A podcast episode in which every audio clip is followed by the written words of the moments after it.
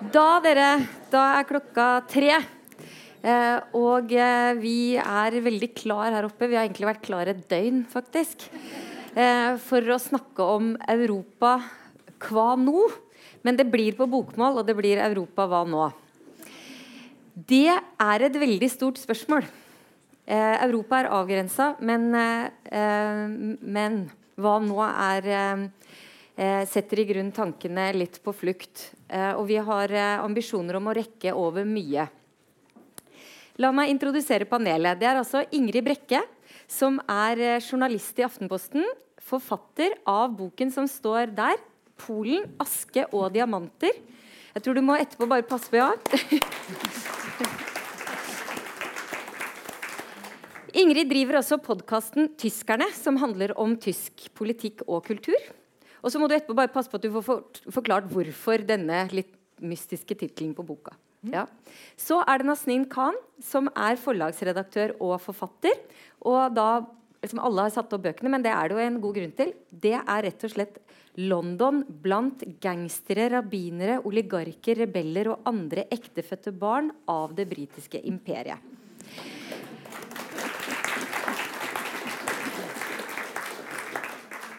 Kjempeapplaus for det, fordi eh, det har vært skrevet bøker om London før. Men eh, Nasnin sin bok er eh, og det er alle tre bøkene her, veldig godt mottatt. Men Nasnins bok er til og med blitt kalt den ultimate boka om London. Jeg bare nevner det.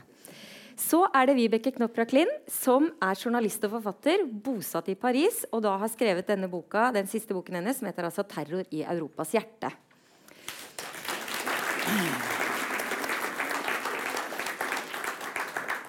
Og jeg heter Kjersti Løken Stavrum, og jeg er leder av Norsk Penn. Og så skal jeg si at eh, Nasnin eh, var den første personen jeg ansatte i mitt liv i Aftenposten. Ingrid og jeg vi har jobbet sammen i Aftenposten. Eh, og jeg har jammen ansatt Vibeke også. Og det sier jeg ikke fordi at vi tror at dette har noen som helst betydning for Europas utvikling. Men det illustrerer hvor lite Norge er. Så da er det kvittert ut. Jeg skal si til dere at Vi har ambisjoner om å snakke om de dominerende kreftene i Europa. Vi har ambisjoner om å snakke om populisme, framtiden for demokratiet, herunder pressefrihet og ytringsfrihet, gammel og ny samfunnsorden fra imperier og overklasser til generasjonskonflikter og frustrert middelklasse. Vi må snakke om lyspunkter. Vi skal prøve det, ikke bare depressivt. Folkelige protester, brexit, gule vester og streiker og grønn bølge. Terror selvfølgelig og terrorfare, herunder bomber i Sverige. Islam, Europas muslimer, polsk diaspora. Og som Vibeke sa nå akkurat rett før vi satte oss ned, vi må også snakke om Irland. Jeg bare sier dette, for vi kommer ikke til å klare å rekke det. Men da er det liksom nevnt. Eh, det vi derimot ikke har tenkt å snakke om, er korona. Eh, men da føler jeg liksom at vi har vært innom det òg. Eh, og så er det sånn med sånne oppgaver at det er veldig viktig at man har besvart oppgaven. Så vi er alle enige om nå at nå kan de bare innlede kort om Europa hva nå. Ingrid, Europa hva nå, sett fra et polsk-tysk, hovedsakelig polsk perspektiv. Hva tenker du? Jo, altså jeg tenker at um, Polen det er et slags sånn skjebneland i europeisk historie. Det var her andre verdenskrig begynte.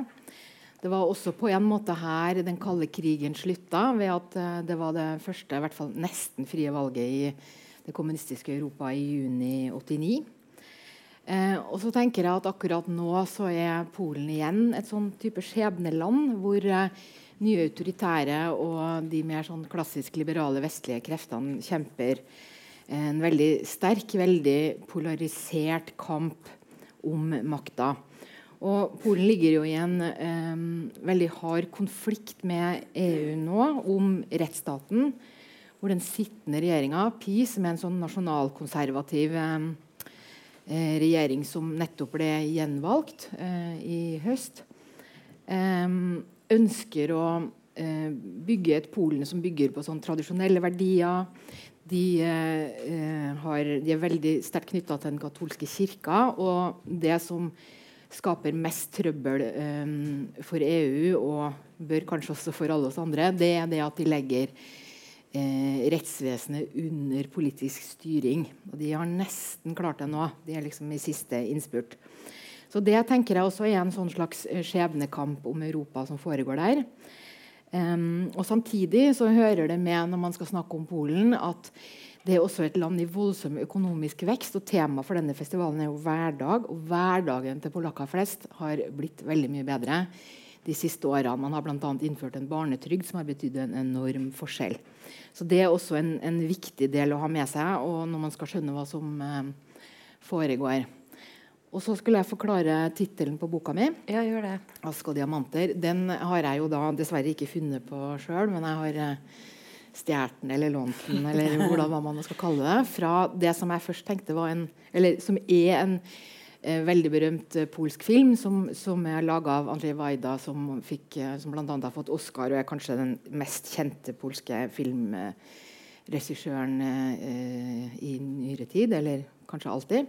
Den handler, foregår rett etter krigen, og dette Aske og diamanter spiller jo da på sånn uh, Polen lå i ruiner, det fins helter, sånne ting. Eh, men det er jo også, den filmen bygger på en bok da, som, jeg, som jeg etter hvert skjønte at det, det, er en bok som alle polakker i hvert fall i kommunisttida leste på skolen. Den er kjempeberømt. Og den fins også oversatt til norsk. Men jeg valgte tittelen fordi at, eh, jeg tenker at det er en sånn kontrasttittel. Det er det svarteste svarte og det mest fantastiske fantastiske. Og sånn er Polen litt. Det har vært Altså, det er en enormt dramatisk historie, enormt mye lidelse. Og, men samtidig så har folk bygd opp og bygd opp. Og man ser også hvordan det foregår nå, med at eh, en, en, eksempel, en, veldig sterk bevegelse av folk som virkelig ønsker å gjøre landet sitt eh, så godt som eh, bare mulig.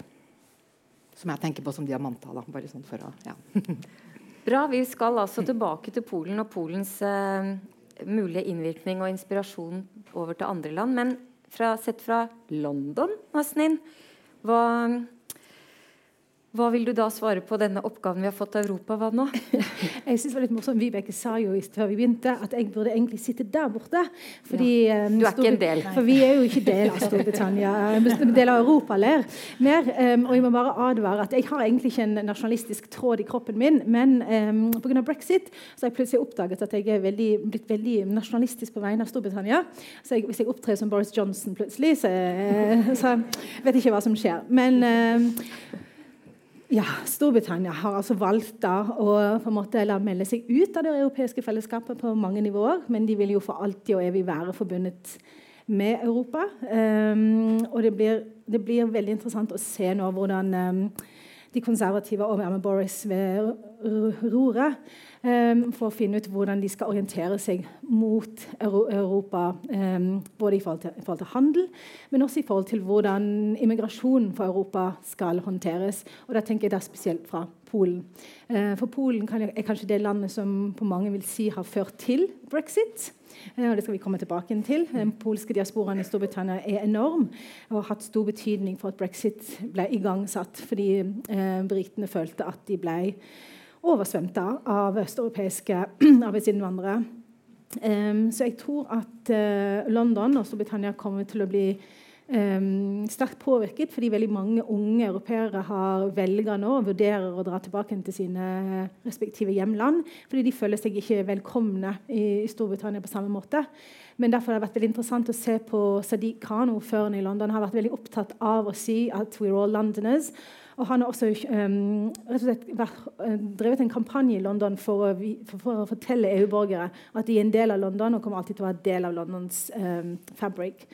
Um, så det blir uh, interessant å se om de unge europeerne som befinner seg i London, vil bli der og bidra til denne, denne Londons økonomi.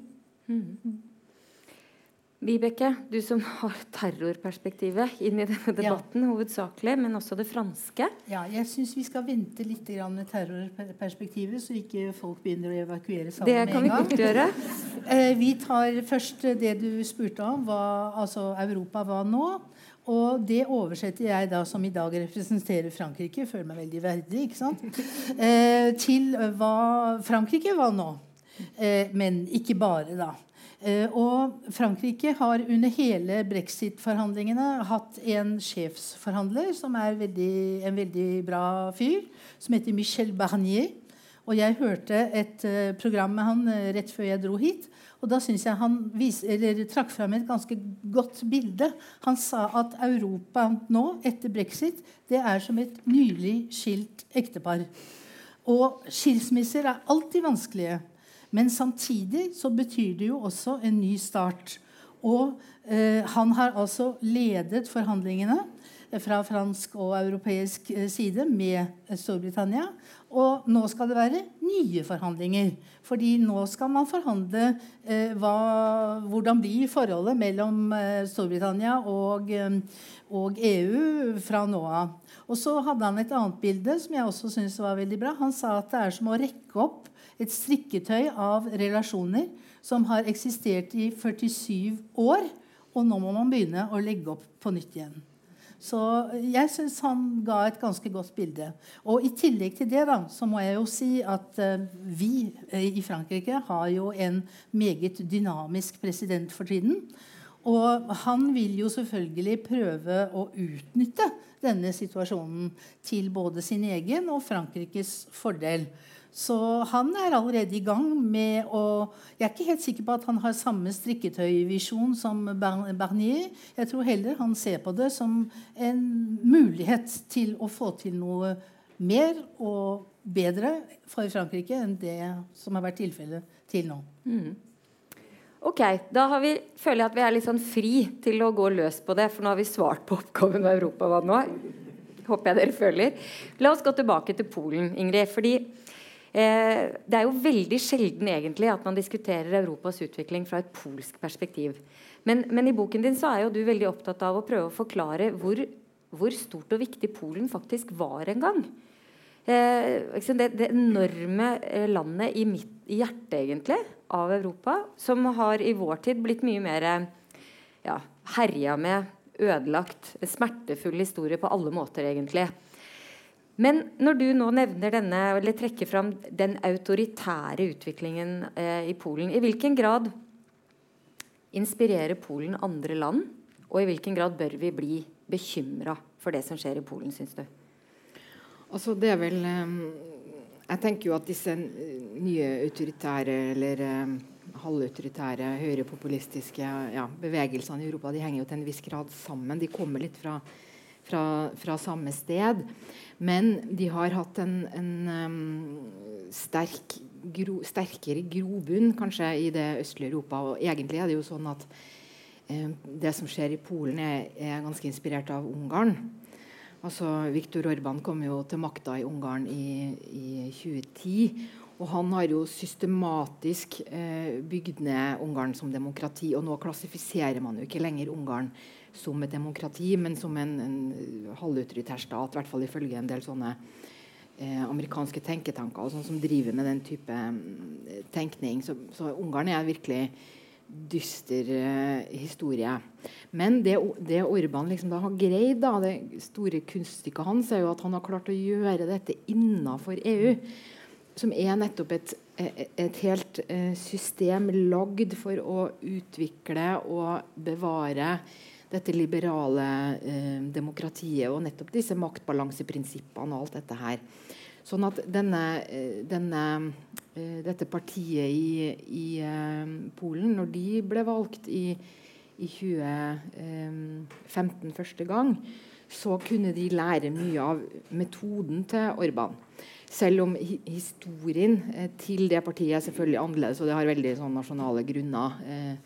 Det har vært en slags altså Siden eh, ja, man, Jeg vet ikke helt hvor mange år man skal Men det, det to store partier har kjempa om makta i Polen eh, i veldig mange år. Eh, siden 2001 ble vel begge stifta. Nå ble jeg litt sånn tallforvirra her, men, men eh, Nei, det må være før det. Ja, uansett.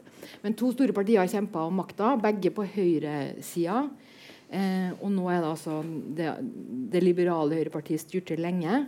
De fikk ikke med seg eh, De klarte ikke å gjøre en del sosiale grep, som er en hovedforklaring på hvorfor PiS kom til makta. Og en bivirkning av dette er alt dette trusselen mot demokratiet. Og jeg tenker at vi skal være veldig bekymra, både fordi um, dette har innflytelse på, på, hvordan EU kan fungere som system. Men også fordi at dette blir en ytterligere inspirasjon for, for andre land kan bli. Mm. Hvilke land tenker du er nærliggende? og Hvem er de mest svake Nei, det, svak for polske metoder nei, altså Man kan godt si at, at uh, altså, de landene som samarbeider tettest, er jo nabolandene. Og de som har litt lik historie, altså ha, har vært tilhørt den kommunistiske delen av Europa. Da. Men jeg tenker jo at, at vi kan se trekk f.eks. i et land som Østerrike. Eh, og at ja, Frankrike an, den, kommer fra et litt annet sted, men det er de samme tendensene. Mm. Og at hvis man har lært seg hvordan systemet kan liksom knekke disse institusjonene, da, sakte, men sikkert, så vil hvem som helst som har interesse av det, eh, kunne, kunne, bruke det. At man nasjonaliserer institusjonene, altså at man eh, knuser den uh, frie pressen. Det har de ikke gjort i Polen ennå, altså, men i Ungarn har de omtrent gjort det. Sånn Alle medier i, i, Ungarn har samme adresse nå, tror jeg? Ja. ja. Det er 10 som ikke har det. eller noe. Mm. Mm. Mm. Så, ja, så jeg tenker at vi skal vi skal være veldig bekymra, men vi skal også på en måte bruke det som en slags um, altså Det der å gå rundt og være bekymra og tenke nå raser Europa sammen og Jeg er ikke noe spesielt begeistra for det, men, men, vi kan tenke på det som at vi kan også bli inspirert til å skjønne hvor tidlig man begynner å forsvare ting. da, mm. Og ikke bare sitte sånn og bli liksom forbløffa når ting ruller rundt. fordi nå ser vi det faktisk utrolig tydelig, og har egentlig sett det en stund. Sånn at vi må bare være obs, da. Mm. Ja. Eh, og, men du Nastin, du sier jo altså da, til tross for at eh, Storbritannia nå faktisk aktivt og med mye armer og bein har meldt seg ut av EU, så vil de for alltid være en del av Europa. Ja vel? jo, Hva var poenget da, liksom? Nei, men jeg tenker, husker på at eh, det, det, det, er jo sånn litt over halvparten av britene som stemte for brexit, så det er et veldig delt land. Um, og selv om Storbritannia har alltid sett på seg sjøl som litt annerledes enn Europa, på en øy og de har en annen historie etter andre verdenskrig. De så på seg selv som seierherrene. De var ikke så skadeskutt som veldig mange av de andre europeiske landene. Så de har følt at de har hatt en annen rolle. Pluss at de har skyggen av det britiske imperiet hele tiden. Så de ser på seg selv som en mye mer en global aktør enn veldig mange av de andre europeiske landene. Det tror jeg er helt essensielt. For, for, å forstå Storbritannia så må man skjønne den globale rollen de har på seg, eller blikket de har på seg sjøl. Um, så jeg tror at, og det, for å trekke inn Polen her, det bor jo en million polakker i Storbritannia i dag. Og det er ganske interessant, for I 2003, før uh, EU åpnet grensene, så var det bare rundt 94 000. Men uh, etterpå så flommet uh, østeuropeerne og polakkene inn. Og nå teller som sagt og en million er den aller største innvandrergruppen i Storbritannia i dag. Um, og Storbritannia var det landet som tok inn flest av de østeuropeiske landene. Det var ikke Frankrike det var ikke Tyskland som på en måte tok imot de fleste. Alle ville til, alle ville til England. Um, så England har blitt omtalt som en slags honningkrukke. For det var mulighetene var så mange. Uh, det var et mye dårligere regulert arbeidsmarked, så polakkene hadde muligheter til å slå seg opp, jobbe veldig mye, starte sine små bedrifter. Um, og som mine polske venner i, London sier, de kom til Storbritannia ikke for å bli britiske, men for å tjene penger um, som de så tok med tilbake nå etter hvert til Polen. Så det er en veldig sånn spesiell situasjon mellom Polen og Storbritannia pga. dette her. Um, og ikke minst det som er interessant uh, når man ser på den polske innvandringen, er jo at da polakkene først kom til Storbritannia under andre verdenskrig og etter andre verdenskrig, når de skulle begynne å jobbe der, så begynte de å jobbe i nettopp jordbruk og i, og i i minene. Og da var de britiske fagforeningene helt rasende og mente at polakkene dro ned lønningene.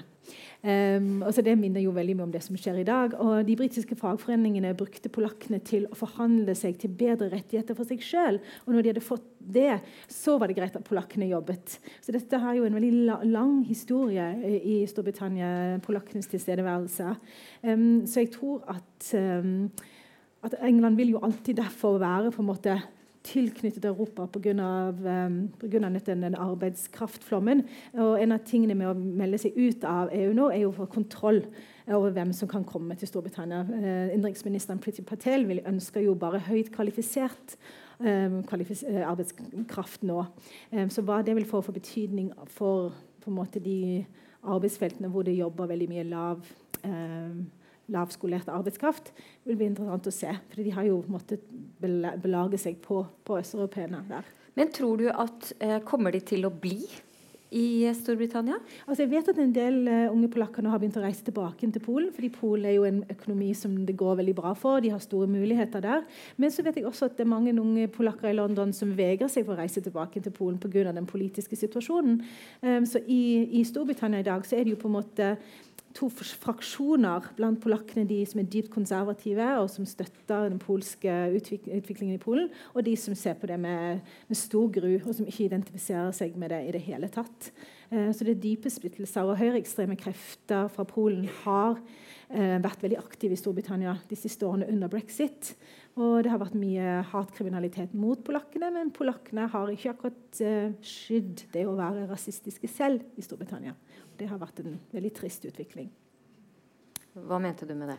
Jeg mener at um, Polakkene under brexit etter 2016 var det en um, rekordhøy antall rasistiske overfall mot polakker. Uh, Polish scam, get out, uh, mye, aktiv, mye aktiv hat. Men det som hadde også eksistert, var at polakkene kunne være veldig rasistiske mot Um, folk med karibisk og indisk bakgrunn. Og veldig mange folk jeg kjenner i Storbritannia som har indisk-karibisk bakgrunn, forteller nettopp å ha opplevd det. Um, så det som jeg pleier å si i, i forbindelse med dette, at det oppstår, har oppstått et hierarki av hat i Storbritannia, hvor du på en måte da sparker nedover. Og um, som jeg også skriver om i boken, jeg, jeg merket selv at jeg begynte, når jeg hørte at polakker oppførte seg dårlig mot kariber og indere, så endte jeg med å si 'Hvordan våger de? Vi var her først'. Sånn? Så, det, så det, har, det, er veldig sånn Du kjenner at OK, ikke kom her. Så du liksom. solidariserte deg med, med Nei, altså Det er veldig interessant. I, i fattige områder med fattige innvandrere av indisk og karibisk bakgrunn, så stemte en stor del av de faktisk for brexit, fordi de ble på en måte rammet av den østeuropeiske arbeidsinnvandringen. Et, lit, et lite spørsmål til som, som uh, fremstår nærmest som et paradoks. og det er jo at I Storbritannia, så, så du, da du innledet, så sa, la du egentlig veldig mye av skylden kan du si, da, for brexit på polakkene. Men, men polakkene er jo integrert og har jobb, og det var jo det som ble problemet der. Mens, mens opptøyene, eller altså bråket i, i Frankrike, også diskusjoner rundt integrering i Norge, er jo når man ikke har jobb. Eh, hva slags, eh, liksom, Er ikke det et paradoks i hele debatten? Jo, det, det, som, det som, skjedde, var jo at de som stemte altså, um, det var jo Under brexit så begynte bl.a. David Cameron og også Milliband uh, å snakke om at polakkene bidro ikke til britisk økonomi, men tallene viste noe helt annet. Og ja, de, de, hadde jobb, men veldig ofte så hadde de da uh, tilbudt seg altså De undergravde de lønningene som eksisterte. Og veldig mange av de som hadde såkalt minoritetsbakgrunn i disse mindre stedene hvor polakkene kom, de følte at de kunne mye lettere um, få goder og etablere seg enn de i sin tid hadde klart. Så de følte at de på en måte hoppet over noen, sti, noen trinn på stigen.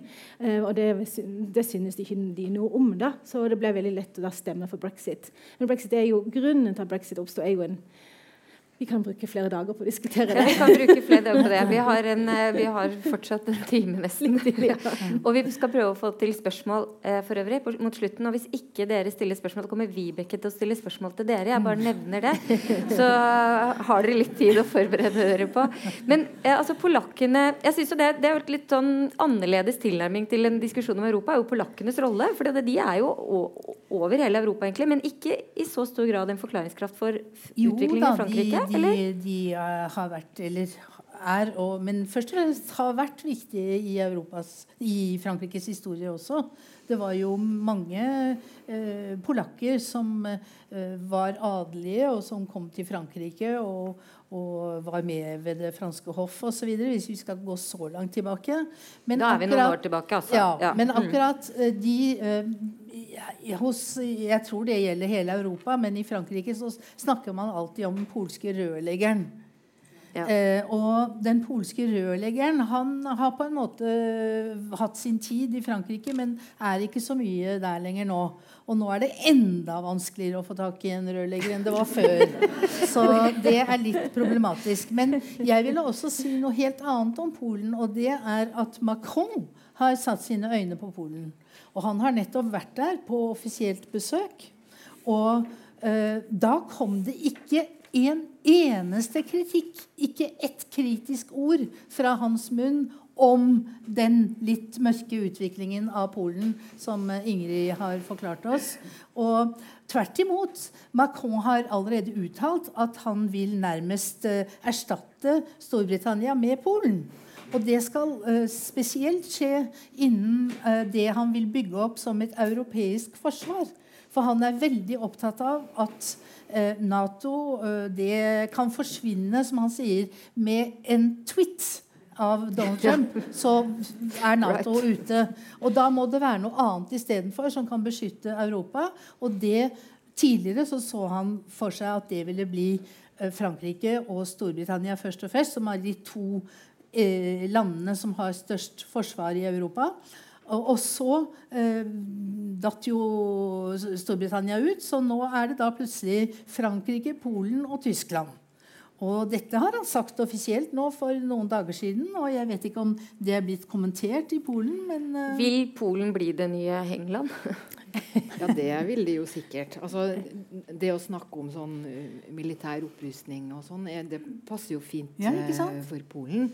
Og det er klart, det å, det å bli invitert inn i det gode selskap på den måten, det, det syns de nok er ganske smigrende. Og det ble veldig bredt dekka, sånn som jeg har forstått det, i, i polske medier på en positiv måte. Jeg må bare si at det fins en sånn fransk-polsk forbindelse som du ikke nevnte. og det er at Veldig mange polske opposisjonelle var i Frankrike på 70-tallet. Ja, det har du ikke Ja, og, og for eksempel, når jeg skulle prøve å få intervju med Adam Michnik, som var han er fortsatt den legendariske sjefredaktøren for Gazeta Vyborcza. Så snakka han fransk og russisk, og jeg snakker engelsk og tysk, så det gikk liksom ikke. eh, sånn at, ja. Nei, så det er klart, men, men, det er også noe med at nå har Macron altså jeg er litt sånn, Macron har en visjon, og så holder han litt på med det.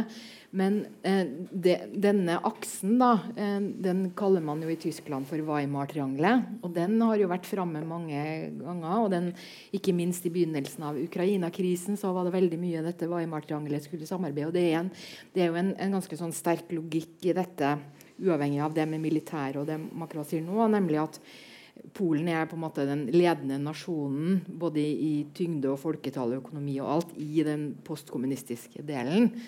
Og så har du Frankrike der borte, og så har du liksom Tyskland, som utgjør hele kjøttvekta og, og det meste av makta i, i, EU. Og at de kan være en sånn akse som, som kan holde hjulene i gang i EU, det er jo en ganske rimelig eh, Men altså, tanke. Jeg bare, bare, vil nevne det.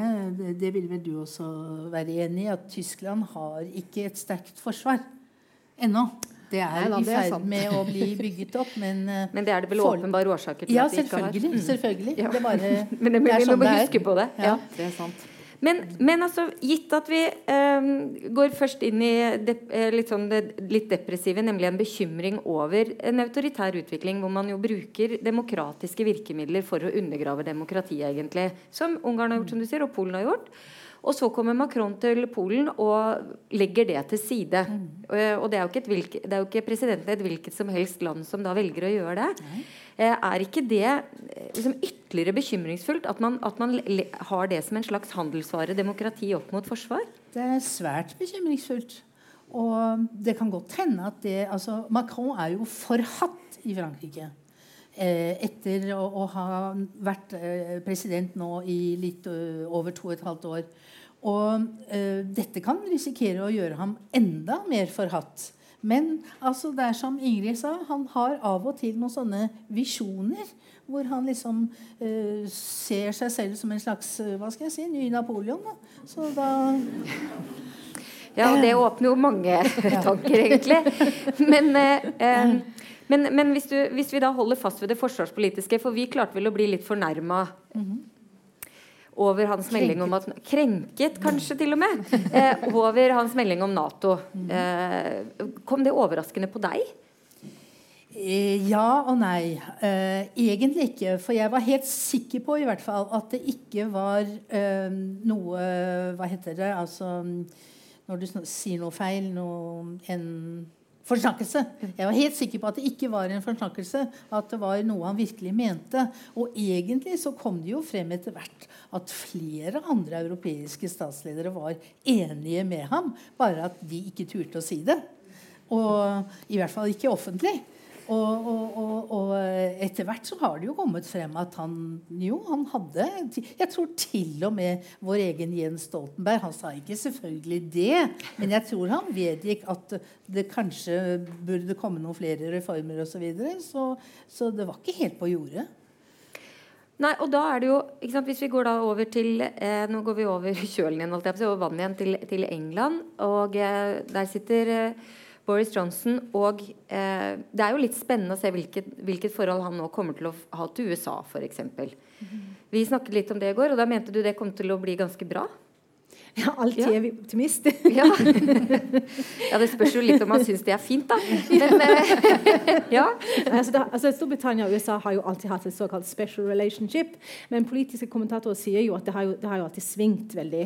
Eh, nå har vi jo nettopp fått den Huawei-problematikken, eh, hvor Storbritannia har jo ønsket å samarbeide med Huawei, som er på en måte erkefiende til, til, um, amerika til amerikanerne. Um, så der må, Boris Johnson må på en måte bestemme seg for hva han skal gjøre. fordi han har jo, han han har jo en drøm om at England og USA skal ha et spesielt handelsforhold um, etter brexit. Um, så han på en måte må, han, har på en måte, han balanserer på en knivsegg hele tiden i forhold til å um, tilfredsstille amerikanernes ønsker og eh, Storbritannias ønsker om, eh, om handel. Eh, så jeg tenker at Det kan bli veldig interessant å, å følge eh, den dialogen mellom Boris og Donald framover. For jeg tror det kommer til å bli jeg tror det, er en, altså det med disse handelsavtalene som nå Storbritannia skal inngå i, blir jo en utrolig krevende prosess. For de ønsker jo å um, på en måte være mye friere enn det EU ønsker. Samtidig som EU sier at hvis vi skal få en avtale, så må også England spille på samme playing field som de.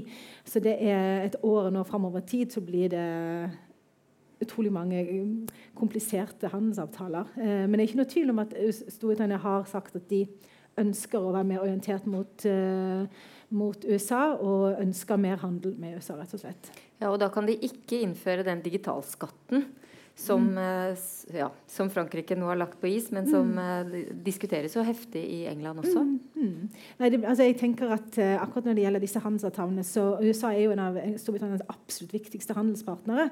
Um, så at, at, um, at, de konservative må kanskje gjøre noen innrømmelser uh, i forbindelse med handelsavtaler, er det ikke noe tvil om. tenker jeg. Men sikkerhetspolitisk, da? Tro, altså, er det noen grunn til å tro at Storbritannia vil reorientere seg eh, gitt ja. Jeg syns det er et vanskelig spørsmål. fordi jeg synes alt, når man, når man, prøver å sette seg inn i britisk politikk nå, så er det et polyfon stemmer. fordi ingen som vet hva Boris egentlig holder på med. og det er sånn du leser, Om du så leser The Economist eller om du leser Telegraph eller, altså Det er på en måte så mye spekulasjoner om hva som foregår. Mm. Og han, ikke, han, han, gir ikke ved dørene når han forteller om hva som skjer. Han, han dukker plutselig opp og forteller nå har jeg fått dette til. Så det er, det er et, jeg tror dette er det mest kompliserte balanserte bildet noensinne når det gjelder britisk politikk, og hva som egentlig foregår. Synes jeg da. Hvis vi aktiverer tyske, den tyske delen av deg, Ingrid, hva, eh, hva, hvordan ser du da Vibeke påpeker helt riktig at Tyskland er jo ikke liksom up to speed på forsvarssiden, men de kommer jo fort til å måtte bli det. Eh, og særlig eh, Særlig hvis det blir en akse mellom Frankrike og Polen, så vil vel ikke de ligge i ro midt imellom der? Eller hva, hva tror du? Nei, altså jeg, jeg, vet ikke hvor alvorlig jeg tar Ja. Altså EU, EU det, det, at Europa vil ha et eget forsvar, eller at EU skal ha et eget forsvar, det har jo også vært snakka om. Så det kan godt hende at det blir mer realisme i det fremover. Og da kommer Tyskland til å prioritere det høyt. Hvis de Ja. Jeg er ikke helt sånn oppdatert nå på akkurat hvor Tyskland er i dette, men, men for, for Tyskland er alt Europa altså De ville jo være helt kjernen i alt Europa skulle finne på å utvikle seg til fremover. Eh, sånn at hvis man går for det Men, men eh, dette med Det er også et sånn aspekt ved dette at ja, Tyskland må ta seg sammen og bli bedre på forsvar og bruke større del av bruttonasjonalprodukt og dette 2 %-målet og sånn. Og, og, så glemmer man kanskje litt ja, hva betyr det egentlig. da? Den største økonomien i Europa altså Jeg har sett, jeg, jeg husker ikke tallene akkurat nå, men hvis, hvis de faktisk brukte 2% av denne voldsomme økonomien, så ville de være så militært dominerende i Europa igjen. Vil vi nå egentlig det? Jeg, jeg vet ikke om, om, resten av Europa egentlig har så mm stor interesse av det, selv om, selv om, kanskje Nato ønsker det på et sånn overordna plan. Så jeg, tenk, jeg, tenker alltid at dette er en litt sånn De har skrudd opp litt nå. De prøver å De har jo vært en slags sånn Det har jo vært en, en mye vitsing og pinligheter rundt tilstanden i det tyske forsvaret. De har sånn, hatt sånne geværer som skyter skjevt. Det, det, er masse sånn det, det, er jo ikke bare at de bruker lite penger, men det er så dårlig, liksom. Utdatert? Ja, utdatert. Og, og mye av økninga til nå som de faktisk har gjort, har, har gått i å prøve å oppdatere seg litt. Da, og at flyene kan fly og, og alt, alt, sånt. da. Sånn at Bare det vil jo bety ganske mye. Altså at, at det forsvaret de liksom teoretisk har nå, vil også fungere i praksis. da. Så jeg tenker at man er litt der, og at uh, det er egentlig en ganske stor sånn indirekte eller usagt aksept for dette.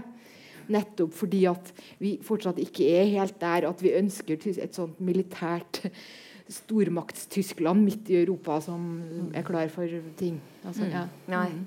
Det er jo av de tingene Vibeke kan spørre dere om etterpå.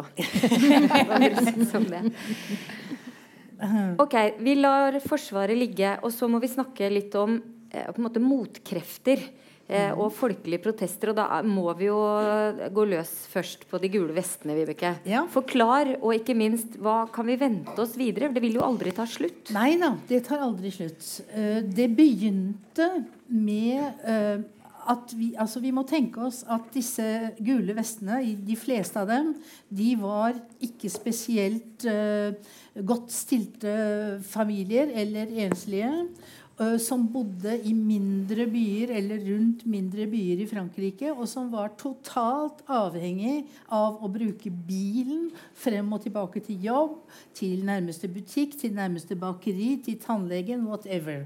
Og den første protesten var fordi regjeringen satte opp drivstoffavgiften. Så bensinen ble dyrere.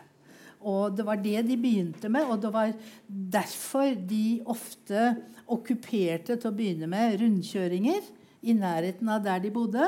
Og så gradvis så ble det en slags eh, snøball som rullet og rullet. Og så fikk de flere tilhengere fra ulike ja, grupper i samfunnet. Og så ble de flere og flere. Og det som er veldig interessant med den bevegelsen, er at de ville ikke ha noen leder.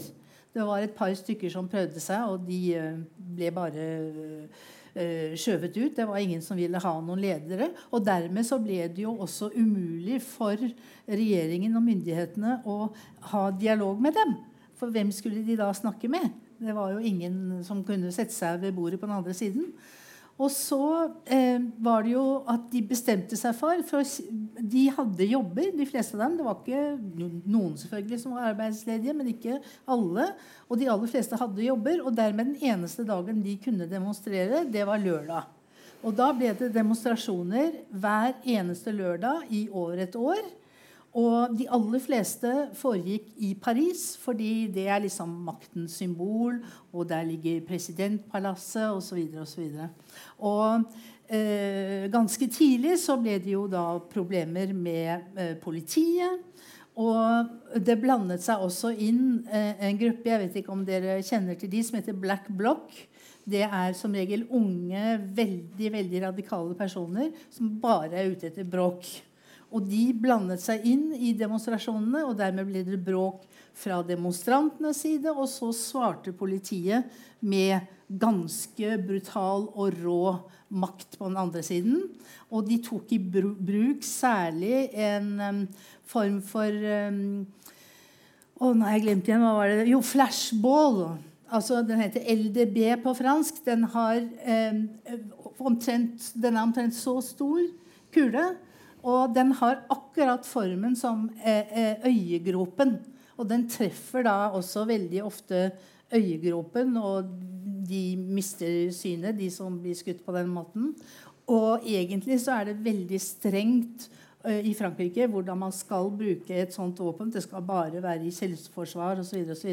Men de har jo nå i hvert fall oppdaget at det går an å filme demonstrasjonene. Og når de har gjort det, så ser vi at politiet ofte sikter direkte på en eller annen person og ikke eh, opptrer i selvforsvar. Så dette er blitt et enormt problem. Og det var veldig interessant å snakke med han som kom fra Hongkong i, i går. Jason Ning. Ja, For han fortalte jo at eh, de politiet der borte tydeligvis bruker akkurat samme våpen. Og at eh, det er veldig mange som blir da såret i øyet. Og øh, ja, uh, det tar aldri slutt. Altså, det var faktisk ganske interessant, for de oppnådde noe ganske raskt, de gule vestene. Macron og regjeringen ga etter på mange punkter, bl.a. på det med drivstoff og andre ting. Og de oppnådde altså forskjellige tiltak som til sammen representerte uh, Hva blir det, da? Altså 10 milliarder euro? Jeg er ikke helt sånn sterk i kroneregningen. Vi kan ta tigangeren. 100 Ja. milliarder. 100 milliarder kroner, og det er jo ganske mye. Eh, men det var ikke nok, tydeligvis. Så de har fortsatt og fortsatt. Og det de vil, det er rett og slett å velte regimet og, og ha eh, folkeavstemninger. Det er det de syns er det helt store. Det vil de ha til å bestemme om Frankrike skal gjøre ditt eller datt. Og nå er de jo ikke så veldig mange. Men nå har vi i mellomtiden fått eh, Frankrike har, har alltid noe på lager i den sjangeren. Og nå har vi da fått, plutselig fått en veldig langvarig og eh, gammeldags streik. Eh, det er eh, transport, det er Men nå er det mye annet i tillegg. Jeg vet ikke om dere har sett det bildet. Det er et av de mest fantastiske fra den langvarige streiken. Det er ballettdansere som streiker. Og så holder de en gratis eh, oppvisning foran operaen i Paris. Hvis dere ikke har sett det, så må dere gå inn og se det. Det er et fantastisk bilde. Eh, og advokatene streiker. Altså det, er, det er liksom overalt og, og til enhver tid. Så nei, du har helt rett. Vi har nok ikke sett slutten. Nei, og vi, vi må ikke slippe det helt. Ikke sant? Det er jo streik. altså Da tenker vi vel alle liksom What else is new? Eh, men, men at eh, Er det ikke en slags slitasje på disse tross alt ganske eh, om ikke brutale, så i hvert fall de ødelegger jo gatebildet. Det er jo, har de, eh, hvor stor folkelig oppslutning er det nå rundt disse vestene? Hvordan preger de hverdagen for dere som bor der? De, de gule vestene kan du si har uh, roet seg en del. De er ikke så aktuelle lenger, men de fikk jo veldig mye støtte så lenge de holdt på. Selv om det var mye vold og tåregass og bråk og i det hele tatt. Eh, og de streikende har også fått ganske mye støtte. Men akkurat nå Denne streiken begynte 5.12. Og nå er i hvert fall jeg, og jeg tror mange med meg, nokså lei av de streikene. Jeg opplevde den bl.a. da jeg skulle hit. Jeg skulle ta eh, tilsvarende kan du si, flytoget, da, bortsett fra at det ikke er så fint, ut til flyplassen i Paris. Da var det overraskelsesstreik på den banen. Så det gir seg aldri. Eh, og Macrons eh, posisjon, du nevnte det, den er eh, veldig dårlig. Eh, Ja, hans stilling, ja. ja. men, men, eh, men hva kan han gjøre, da? Det er ikke godt å si. Jeg, altså det de streiker om nå, det er jo pensjonsreformen. Og pensjonsreform, det eh, tror jeg vi skal lete lenge etter et land i Europa som ikke på et eller annet tidspunkt har vedtatt det. Norge har vedtatt det, Sverige har vedtatt det. Altså Alle europeiske land har vedtatt det. Og av en eller annen grunn så vil ikke franskmennene at det skal vedtas. Fordi de mener at da blir det veldig mye dårligere forhold for dem. Blant annet så skal de da ikke slutte å jobbe når de er 62, som nå, men når de er 64. Og det går ikke. Nei. Nei. Eh, Så, men eh, jeg tror ikke han eh, Jeg tror faktisk ikke, ikke han kommer til å gi seg med den reformen. For gjør han det, så er han på en måte politisk død. Da vil han ikke kunne gjennomføre noen reform. Nei, og den reformen var jo veldig sentral Ja, for han da han gikk til valg også.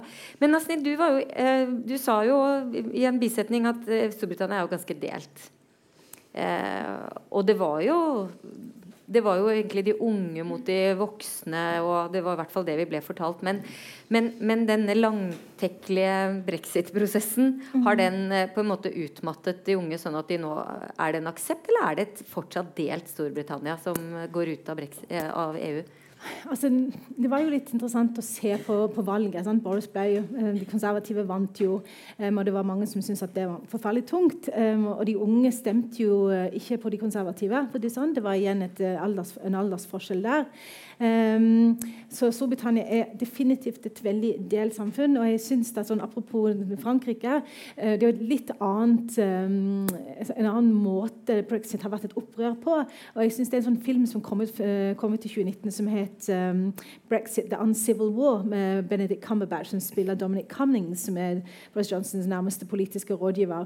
Og De hadde jo funnet på dette, dette slagordet 'Take back control', som var så utrolig viktig. Så de, de skapte jo en slags myte om at folk skulle ta tilbake igjen kontroll over landet sitt. Um, de hadde, fordi de hadde mistet kontroll. Og hvis, og hvis, um, hvis, Tyrkia kom inn i EU, så ville liksom Europa bli flommet over muslimske innvandrere. Det var den totale kaos. Så det var mye sånne skremselsbilder som, som ble skapt.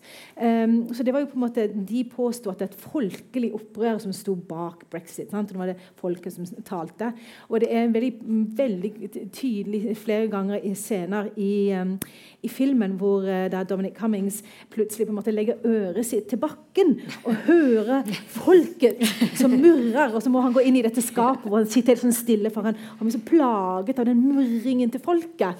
Um, det er en litt annen måte, litt ikke akkurat det Macron ville ha gjort. Men det var så utrolig fascinerende hvordan man manipulerer fram en forestilling om at dette er noe folket ønsker seg, um, som jeg syns var dypt skremmende, egentlig. Eh, for hvordan, man, altså, hvordan, brexit ble på en måte manipulert fram av, av en elite som samtidig som f.eks. Nigel, Nigel Farage og hans gjeng påsto at dette brexit skulle jo gi folket tilbake kontrollen fra eliten, når nettopp Dominic Cummings og Boris Johnson representerer så totalt eliten sjøl. Um, så det er veldig mange forskjellige måter folkelig opprør på en måte blir rammet inn og får, får seg utslag i. Um, så jeg syns det er, har vært ganske forstemmende å se hvordan krefter har manipulert i Storbritannia for dette såkalte folkelige opprøret. Men tror du det vil bli noen skuffelser eh, som kan liksom, generere protester nå eh, i, eh, i Storbritannia? Eller eller vil det man nå liksom vente og se som, eh, ja, om, om, det er noe kontroll å hente? Ja, altså jeg tenker, um, som jeg pleier å si, Stor Storbritannia er jo et, uh, et ganske absurd klassedelt samfunn. Et, ekstremt hierarkisk samfunn. Um, og med, med Torjene i regjering så er det ingen grunn til å tro at de forskjellene kommer til å bli noe, noe mindre. For de har jo alltid ført en politikk hvor det har vært store forskjeller mellom folk. Um, og noen må jo på et eller annet tidspunkt betale den prisen for brexit. fordi fordi eh, det, vil, det, det, må komme noen sosiale og økonomiske omkostninger. Og da vil, det, da vil, jo det være ofte de fattigste som da må betale den prisen i en eller annen form. Og da kan, jo, da kan, jo, du se for deg at det skal komme et opprør. Men samtidig så Margaret Thatcher var jo veldig flink til å knuse enhver form for sterke fagforeninger. altså Det som tradisjonelt på 70-tallet, hvor England var dominert av streiker, det har jo ikke skjedd på samme måte i, i Storbritannia. Og Labour er jo litt nede for telling Labour er en ja. tragedie akkurat nå. Så. ja. så det er litt sånn et, et, ja, litt dystert bilde. Ja, Og Vibeke ber om ordet, og da tror jeg det er Irland. Nei, Nei, det er bare et Jeg kan godt du kan ta godt, Irland nå, men, Irland. men, altså det er bare et uh, lite innlegg til det hun snakker om uh, britisk elite og britiske klasseforskjeller. Fran, fransk, altså franskmennene, han Michel Barnier, som jeg snakket om, Macron osv., som uh, samtaler med Boris Johnson, de digger han enormt. Han snakker flytende fransk, ja. og han er fra upper upper class i Storbritannia. Så det var det, bare det jeg ville si, at han er uh, ypperlig med franske øyne. ja, ja. Men det hjelper jo ikke så mye nå, Nei. kanskje. men ta litt om Irland. Så ja. har vi tatt Irland nå. Ja, altså det skal være valg i Irland eh, på søndag. Og da eh, er det jo veldig interessant for en gangs skyld eh, å se, fordi eh, ti, det tidligere partiet som ja, ikke offisielt, da, men som representerte IRA, Sinn Fein, de ligger an til å bli det største partiet i Irland eh, i, i, etter valget. Og da kan vi altså faktisk gå mot et ikke delt Irland, men et samlet Irland etter valget. For det er det som er deres hovedparole. Og det syns jeg var, var, derfor jeg ville ha det med. Det var litt interessant, for det kan altså bli den første eh, konsekvensen, eh, faktiske konsekvensen av brexit. Men da blir det bråk? Ja, ja. Som er litt sånn krigshissere. Vi må ha litt temperatur inn i det hele. Da blir det bråk. Ja. Så det blir ikke så enkelt å forene Irland. Gjør det vel, Nasnin? Nei. Nei. tror du det vil i hele tatt Er det mulig, tror du? Altså, jeg, jeg, tror, jeg, tror, de konservative vil ha et stort, eh, stort, problem med å akseptere at Irland skal forenes, og at de skal frigjøre seg fra, fra British rule. Det, men det er igjen Det kan skje, fordi det, skal, de, de har, det er snakk om at de har rett, rett til en folkeavstemning om nettopp dette, hvis, de, hvis Sinn Fein får flertall. Um, så det, blir, det, er veldig spennende at Sinn Fein har fått uh, så stort gjennomslagskraft. Men de har et sosialt program som veldig mange irer har da engasjert seg i og støttet. I. Mm. Og så har jo på en måte brexit utløst mye nasjonalistiske strømninger, mm. også i Storbritannia sammen med Skottland. Um, plutselig begynner walisene også begynner å hyle og skrike. Ja, Skottland så, ja. mm. så jeg synes det, det, er absolutt en sånn um, det, det, er noen nasjonale strømninger som er veldig urovekkende også, for det er jo ikke nødvendigvis alltid bra at man skal ha en divided kingdom framfor en united kingdom. Nei, nei, og den skotske førsteministeren var jo i Norge på NHO-konferansen og fridde til Norge. Så det her kan det komme nye konstellasjoner. Men vi, la oss gå litt opp i helikopteret, Ingrid, og, og se litt på hvilken rolle tror du EU kan eh, liksom hvilken, hvilken, Hvilke oppgaver har EU i dette morasset med et Frankrike hvor det, hvor det syder og ulmer? Polen med sitt eh, konstitusjonelle liksom, Hvor det konstitusjonelle tross alt står i spenn. Tilsvarende Ungarn. Eh, altså, er EU på liksom, framoverlent nå etter brexit? Eller kommer de til å bruke litt tid på å reorientere seg for ikke å støte flere fra seg? Ja, vil jeg si da til ja. alt. Nei, eller nei til alt. Nei, jeg, eh, hvis jeg skal si fra, litt fra tysk perspektiv, da, eh, så er det, det er veldig altså I Norge har vi jo vært veldig veldig opptatt av brexit. Eh, Tyskland så var man veldig opptatt av brexit, og så ble det liksom klart at nå kommer det. Og så har man ikke vært så opptatt av det som vi har vært. Altså Man sørga veldig. Man skulle selvfølgelig ønske at altså for, for tyskerne som har liksom EU som i blodet da, altså det er helt, Et Tyskland uten EU er helt utenkelig. Altså Det er liksom helt, helt, helt integrert. Eh, så, så, var det en stor sorg, og man syns det er veldig trist. Men, men man har ikke brukt så mye krefter som vi har brukt på å holde på med det. Eh, og Det har jo mye med sånn geografi og hvor man er lent og, og alt det der. da, og Tyskland eh, er opptatt av hva skal man nå gjøre i EU. Og det Tyskland er opptatt av, er på en måte også tenker jeg, sånn EU uh, ikke sant? Man må på en måte uh, Det har skjedd, det som har skjedd, og nå må man prøve å lage disse avtalene. og sånn, og man har, Men man har også mye annet å holde på med.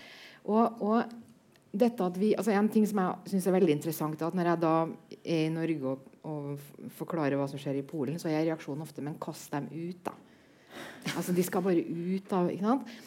Eh, og Det synes jeg er sånn, det sier noe om vår egen posisjon i Norge. da, at Vi har jo valgt å ikke bli med, og vi har ikke noe eh, tålmodighet med, eller kanskje ikke heller så stor forståelse av hvordan EU fungerer på kontinentet. For det tenker jeg, det er faktisk helt utenkelig. Altså selv om Polen undergraver eh, rettssystemet på den måten de gjør. De er en del av EU. Jeg tenker også at eh, det er folkene som er EU også. Det er ikke bare disse. Skal man liksom kaste ut de landene som har valgt dårlige regjeringer som gjør fæle ting? Og hva, hva skulle liksom konsekvensene av det bli? Og så kan man si at eh, hva er prisen å betale for det? det? det? er jo at man lar dette autoritære spre seg innafor. Men så må man jo alltid tenke ja, ok, hva er, hva er liksom egentlig alternativet? da? Skal man avskalle på alle mulige måter i, i, i lang framtid fremover? Og så tror jeg at mange som er i EU og jobber med disse sakene, kanskje vært det lenge, de ser med, altså EU er en slags kriseløsermaskin. Det er ikke et, et sånn eh, statisk organisasjon hvor du er med på noen premisser, og så gjelder det klare regler, men man prøver hele tida å løse problemene som oppstår, til det beste for de fleste. Og noe lykkes man godt med, og veldig mye det bare skrangler av gårde. Og dette er litt sånn som det kommer til å fortsette, tenker jeg. Skrangler av gårde. Det er, men det er jo ikke så verst likevel. Altså, det er litt sånn Hvor, hvor ille er det? Ja. Mm. Er det, er det liksom noe er det en måte franskmenn også oppfatter EU på nå? Eller er, eh, altså, løser EU Frankrikes problemer, eller er EU ikke så viktig i de franske koket? Eh, jeg tror nok Frankrike, altså franskmennene, da ikke bestandig føler at EU løser deres problemer, men at de tvert om skaper problemer for franskmenn. Mm. Men øh, de, er, altså, de ser ikke eh, brexit lenger nå som noe sånn totalfallitt hvor, eh, hvor eh, ikke det kan komme noe bra ut av det. Tvert imot så er det jo eh, sterk kandidat. Paris er sterk kandidat til å ta over eh, London-børsens rolle. Men da sier Ingrid at det er Frankfurt også. Mm. Så da blir det, det, litt sånn Det tror jeg ikke noe på. Nei. Så, så, men altså, det er bare ett eksempel på at man ser litt nå Jaha, ok, nå er de ute. Kan vi da Ja, kan det bli noe bra igjen for oss av det? Men jeg kan bare uh, si, si, litt mer om altså, en, Et kjempeproblem for EU, kanskje ikke som organisasjon eller, eller som struktur, men for systemet og ideen, det er jo at alle de fleste land er nå mer og mer opptatt av seg selv. Mm. Eh, av mange forskjellige grunner. Da. Og jeg tenkte på det når vi snakka i stad om dette med å lytte til folkets røst og sånn. Det er jo, Dette er jo også den retorikken man kjenner veldig godt fra Polen. De representerer det ekte folket. Og der går det jo mye lenger. De sier jo at hvis du ikke er enig med oss, da er du ikke en ekte polakk. Sånn at opposisjonen er en slags landsforrædere. Så, sånn språk bruker de. Eh, og da gjelder på en måte da handler det Det står så veldig mye på spill. ikke sant? Man blir sånn representant for hele en sånn metafysisk nasjon. Og sånn. Og disse strømningene finner man mange steder. Og fordi at, at de autoritære kreftene og høyrepopulistene har vokst, så blir også de innenrikspolitiske kampene hardere. Og jeg tenker ofte på politikk som et litt sånn Man har en viss mengde politisk energi. da. Og, og jeg tenker også Tyskland er veldig interessant på den måten. fordi at selv om de er så eh, sanne, gode europeere, så har de også hatt mye trøbbel innenrikspolitisk, særlig nå siste, de siste par årene. Eller kanskje etter flyktning. Ja. Og da mm. blir de veldig opptatt av seg selv. Og det er stadig sånne innenrikspolitiske kriser. og Nå skal regjeringa gå, nå skal regjeringa gå. Og da innbiller jeg meg at det faktisk på en måte sprer seg også i disse strukturene. Altså det tenker jeg er en veldig stor fare eh, men som ikke er så eh, lett å se sånn i strukturet, men bare en sånn Um, som, som, kan gjøre at ting bryter sammen på helt andre måter enn vi tror. Altså, mm. det, det, er ikke en plan eller noen som vil ut, eller noen som blir kasta ut. Det bare liksom løser seg litt opp. Flyktningkrisen var, som du så vidt nå sa, bare sånn halvveis eh, en, en, alvorlig årsak til, til Tysklands utfordring. Men hvor um, i hvilken grad er som flyktningkrisen nå et tilbakelagt stadium, eller vil det eller tilbakelagt problemene, eller vil den ligge der og murre i Tyskland i lang tid framover, tror du? Altså, i, i, Tyskland ja, det, det, det, er litt dobbelt. for at på den ene siden så Det kom nettopp noen tall som viste at av de eh, flyktningene og migrantene som kom til Tyskland i perioden 2013 til 2016, så er omtrent halvparten i full jobb. Dette er mye bedre enn resultatet f.eks. med flyktningene som kom fra krigen i Jugoslavia. Det skyldes delvis at man har blitt bedre på integrering og, og har prioritert det. Men og også den økonomiske situasjonen. Man har stort behov for arbeidskraft og sterk vilje til å få til dette. Og man er veldig opptatt av demografien ser så dårlig ut. ikke sant? Så det er mange grunner til at, at dette har egentlig gått det har jo egentlig gått veldig bra, eh, vil man jo vel kanskje kunne si i dag. Men eh, i, i liksom partisystemet, og ikke minst innafor Kristeligdemokratene, så, så ligger det som en sånn um, veldig stor konflikt som dukker opp i alle mulige sammenhenger. Dette var Merkel skyld i egentlig ikke flyktningkrisa, men i at alternativ for Tyskland så det høyrepopulistiske partiet skulle bli så stort og sterkt og skape dem så mye problemer. Er det Merkels skyld, eller er det ikke? Skal vi svare med å gå lenger til høyre og bli mer konservative, eller skal vi henge rundt i sentrum og konkurrere med de grønne? Eh, og De Grønne har jo blitt kjempestore på meningsmålingene nå. Det er jo de som er de reelle. Eh, de var jo I fjor var de jo flere måneder større enn Kristeligdemokratene. De var det største partiet i Tyskland. ikke sant? Så konkurransen i, i prosenttall er jo mye større fra, senter, fra dem enn, enn fra Alternativ for Tyskland. ikke sant? Ja. Sånn, at, sånn, sett så preger det veldig. Og så tenker jeg også at, at eh, flyktningkrisen og måten den ble håndtert på, har slått inn noen, noen nye og dypere kiler i alt som har med øst-vest å gjøre, både i Tyskland og i Europa. Så, så, det ligger der og på, ja, holder på. Mm. Mm. Spørsmål er det nå liksom, mulig å stille, hvis noen av dere har eh, eh, Ja, der. Men vi må ha en mikrofon. Klima, ja. Nemlig. Mm. Veldig bra. for jeg tenkte at Hvis ikke det er noe spørsmål nå, så har jeg tenkt å gå videre på De grønne. Men takk til Bjørn for klima, og, og da eh, skal vi gjøre det. Vi skal snakke litt om klima. Fordi eh, klima er jo nå blitt en, liksom en, en, konstruktiv kraft inn i politikken i næringslivet. I hvert fall en sånn en, en slags jo felles enighet om at nå må vi gjøre noe. Tyskland er kjempebra og har, led, har, jo vært grønt orientert lenge. Hva med Frankrike der, Vibeke? Det kommer, det kommer. Det skal ja. være eh, Det skal være eh, byvalg nå, bykommunevalg. Og eh, De Grønne ligger usedvanlig godt an omtrent overalt. Og kommer sannsynligvis til å ta noen av de store byene i Frankrike, som Montpellier. Så, så det vil jo være et stort uh, skritt fremover. Eh, jeg tror Når det gjelder Macron, eh, så tror jeg ikke han helt har forstått eh, hvor vesentlig det er, og at man faktisk må gjøre noe, og ikke bare si at man skal gjøre det. Mm. Men jeg er veldig skuffet over én ting. altså. Ja, si Nå ser det ut som vi har hoppet over terror. Ja, ja det var det. Nei, men også, da, jeg, vi må rekke terror. Bare Men, ja. lite grann. Ja, okay. Nei, fordi det henger nemlig litt ja, sammen okay. med, med, det Ingrid sa. Mm. Hun snakket om uh, immigrasjons... Altså flyktningstrømmene til Tyskland. Og da vil jeg benytte sjansen til å si at dessverre så var det da også i de flyktningstrømmene at det kom en del personer som ikke hadde særlig uh, hyggelige hensikter. De, og blant annet så var noen av dem med her i altså Her snakker jeg om de store attentatene i Paris i november 2015. Og eh, en annen eh, europeisk faktor er nettopp det at de utnyttet ikke bare flyktningstrømmene, men de utnyttet de forskjellige hullene i europeisk lovgivning, i at det var forholdsvis fri, fritt leide ut og inn av europeiske land. Det, akkurat i det tilfellet så ble det jo først og fremst Belgia da, og Frankrike, altså belgiske og franske terrorister som samarbeidet og uh, som krysset grensene uten noen hindringer. Og uh, så vil jeg også altså Det blir litt dumt å liksom rase gjennom dette viktige temaet så fort, men likevel, vi får gjøre det. Og da vil jeg også påpeke at vi skal være veldig oppmerksomme på det som skjer i Sverige nå. For eh, eh, vi har lenge snakket om svenske tilstander. Nå kan vi si at det virkelig er svenske tilstander. fordi at nå er det flere bomber eh, i Sverige per innbygger enn det er i noe europeisk land.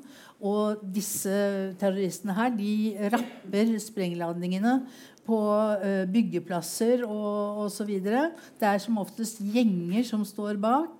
Og bare ett eksempel som jeg fant. En bestemor som heter Mona Schultz, som henvendte seg direkte til statsministeren i Sverige og det var etter at hennes barn og barnebarn ble tilfeldige ofre for en bombe i Malmö. Leiligheten deres så ut som en krigssone. Betong, glass og metall og spredt overalt. Mitt barnebarns rom ble fylt med røyk og glassplinter, og han satte seg rett opp i sengen og bare skrek, sier farmor Mona. Det er sånne scener som jeg dessverre kjenner altfor godt fra Frankrike, og som vi for enhver pris må unngå at det skulle komme hit. Det var det jeg ville si. Ja, nettopp. Eh, og nå skal jeg prøve å forene klima og terror. Eh, det, eh, men jeg skal gjøre det med å gå til deg, Nasnin. Fordi Storbritannia har hatt sin dose av terror. Så du kan svare på det. Men du må også si litt om eh, hvilken grad klima er en kraft i det, en britiske politikk. For det klarer jeg ikke helt å se at det har vært. Nei, altså For å gå rett på klimaspørsmålet, så er det jo Det finnes jo mye grønne bevegelser i Storbritannia. I likhet med Tyskland så har faktisk Storbritannia hatt en ganske, en ganske sånn vibrant um, økologisk scene. I hvert fall innen matveien. Ja, innenfor ja. matveien. Mm -hmm. Men også for, på 70-tallet så var det veldig mange uh, klimaaktivister i Storbritannia både på 60- og 70-tallet, hvis du ser på alternativ britisk historie.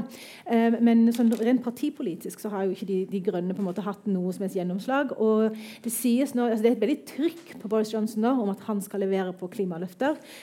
Og Visstnok leste jeg nylig at uh, en av de tingene som vil skje hvis England går med handelsavtalen med USA For USA har, har ikke den samme klima Eh, målene som da Storbritannia egentlig har. Så da kan det være snakk om å måtte gjøre innrømmelser på klimakvoter um, som de egentlig ikke vil britene pga. handelsavtaler med USA.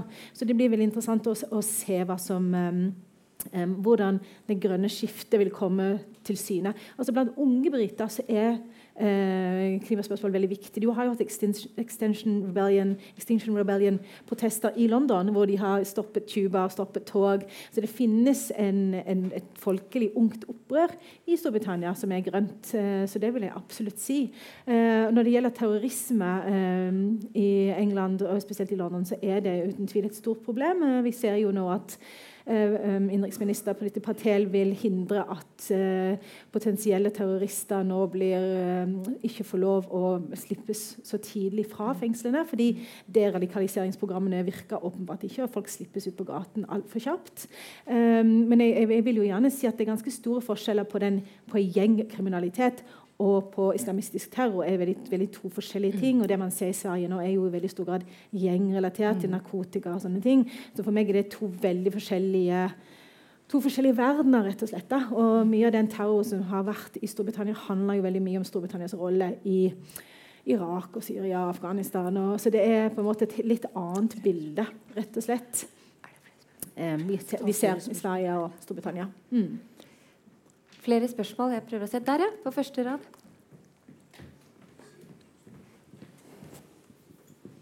Eh, jeg har et spørsmål som gjelder eh, det dere allerede var begynt på, nemlig eh, De grønnes fremmarsj, eller ikke fremmarsj.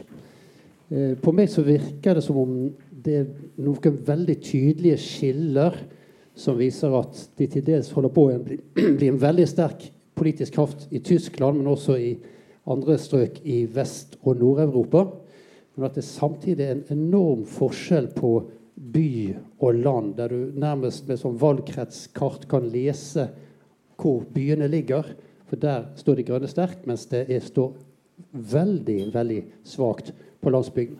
Er dette bare en klisjé, eller er det rett og slett sånn som det er? Kanskje litt som i Norge òg. Ingrid, du, jeg så du tegna deg i stad. Kan ja, jeg lyve til deg på det? Eh, jeg kan uh, si den Jeg skulle bare hjelpe deg med å, å ja. forene terror og klima. Ja, takk. uh, fordi, den umulige spagaten. Fordi ja. terror i, i betydningen um, at trusselen om det har gjort at man har blitt mer opptatt av å stenge grensene. så kan man si at den nye regjeringa i Østerrike tar opp i seg disse to store sakene som på en måte oppleves kanskje viktigst av litt forskjellige grupper i, i folket. Da. Altså en, et konservativt parti som er, fører en relativt rigid asylpolitikk, veldig streng på innvandring, i samarbeid med et grønt parti. Og dette tror jeg eh, er en slags trend. Altså, eh, den mest sannsynlige regjeringa i Tyskland neste gang er jo kanskje også en, en koalisjon mellom litt, en litt annen type konservative, men likevel eh, kristelige demokrater og De grønne. Da. Så til dette grønne og by og land. Altså det, eh, for å svare eh, for Tyskland, så har du, har du nok ganske rett. Altså kan, nå, er, nå er jo Tyskland et veldig tett land. Eh, men man kan f.eks. se at det, var, det første de siste åra at De grønne har liksom begynt å vokse litt i, i, øst. Altså hvor det er de mest landlige strøkene, hvor man har den historien.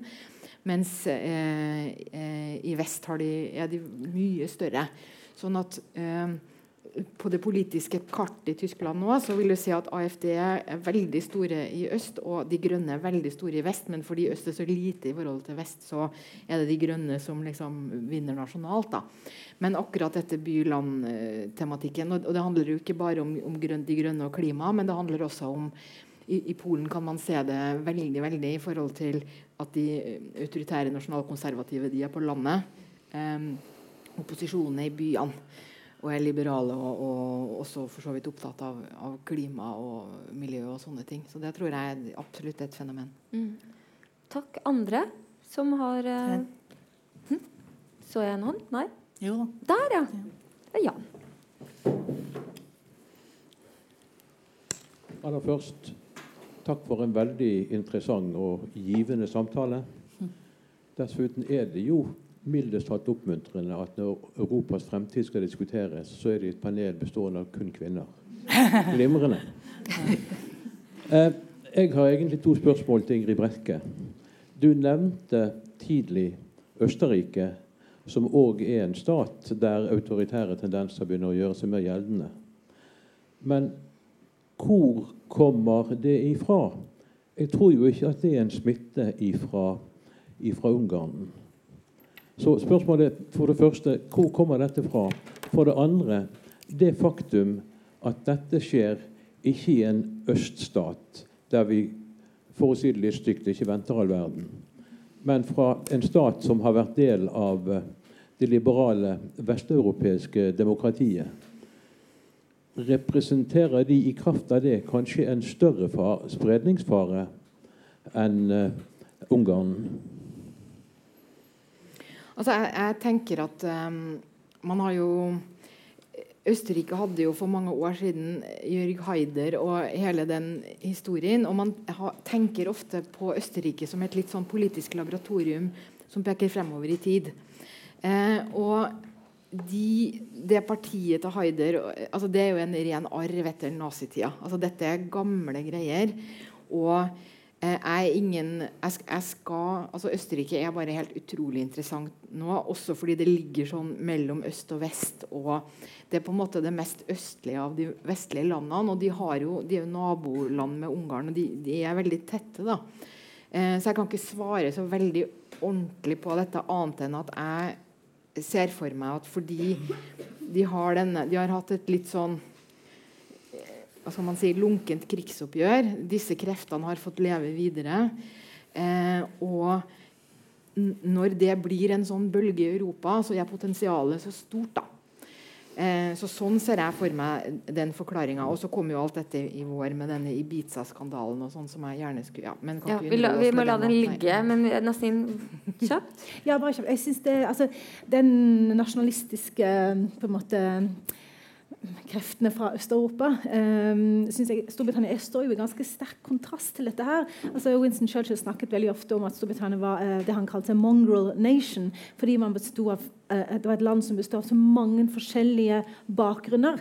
Um, at det ga Storbritannia en unik styrke. Um, og sånn sett er det jo veldig trist at Storbritannia har trukket seg ut av EU nettopp fordi Storbritannia er på godt og vondt et veldig multikulturelt samfunn. Altså, jeg vet at London er ut, alt utenfor London er mye mer hvitere, men det er likevel man har erfaringer med Siden man er et imperie som en gang rommet nesten hele verden, så har man erfaringer med det flerkulturelle, med det å forholde seg til andre nasjoner og kulturer, som er en av Storbritannias store styrker til tross for at det har vært mye en usunn nasjonalisme i forbindelse med brexit. Så Sånn sett syns jeg det er veldig trist, og sånn sett syns jeg Storbritannia fremstår som et fyrtårn i europeisk sammenheng. Siste kjappe spørsmål på første rad, og så Ja. Vent, vent på mikrofonen, så har vi med deg på lyd. Ja. Jeg hadde lyst til å stille et spørsmål til alle tre. Sånn, ja, nettopp. Ikke, de kommer ikke til å få lov til å svare. hvis dere vil, da, så er det en anledning til å avrunde. Sånn. Det, er, jeg tenker, det er en fare her hvis vi ser på kort sikt. da. Det er det at I alle de tre landene som dere nå primært har snakket om, jeg ser bort fra Tyskland akkurat nå, så har vi politikere som gambler på veldig veldig høyt nivå med kjempestor fallhøyde. Mm. Macron har en utrolig, uh, utrolig sviktende uh, maktbasis ikke sant? Uh, og, og, driver også med høyt spill i europapolitikken. hvis brexit tukler, tukler, seg alvorlig til, så det er alt og ingenting for, for tårene, selvfølgelig. og, og den polske regjeringen prøver å Altså de, de, driver med chicken game med, mot EU ikke sant? og trasser åpent EU-loven. Det, det, er ganske heftige, tre heftige situasjoner, dette her. hva, hva, tror dere om opposisjonen i hvert av de landene sin, sin, sine forutsetninger for å på en måte snu på kjerringa eller, eller skape en bedre balanse i, i, situasjonen? Jeg kan svare veldig fort. Den er død. Denne opposisjonen er død. ja. ja, nettopp. Ja. Uh, nei, jeg håper virkelig at uh, Labour får get their act together og finner en, uh, finner en plattform og en leder som kan, som kan, kjempe mot de konservative. For det syns jeg hadde vært veldig veldig bra. Fordi Labour har spilt fallitt fullstendig i denne brexit-perioden. Mm. Ingrid?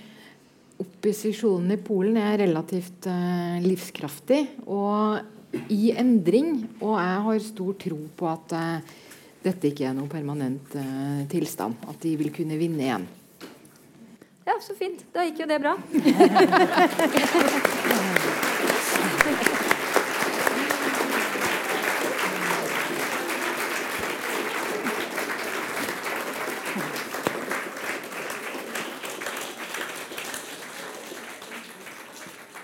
Da syns jeg den applausen egentlig talte for seg. Da er vi ferdig. Ja.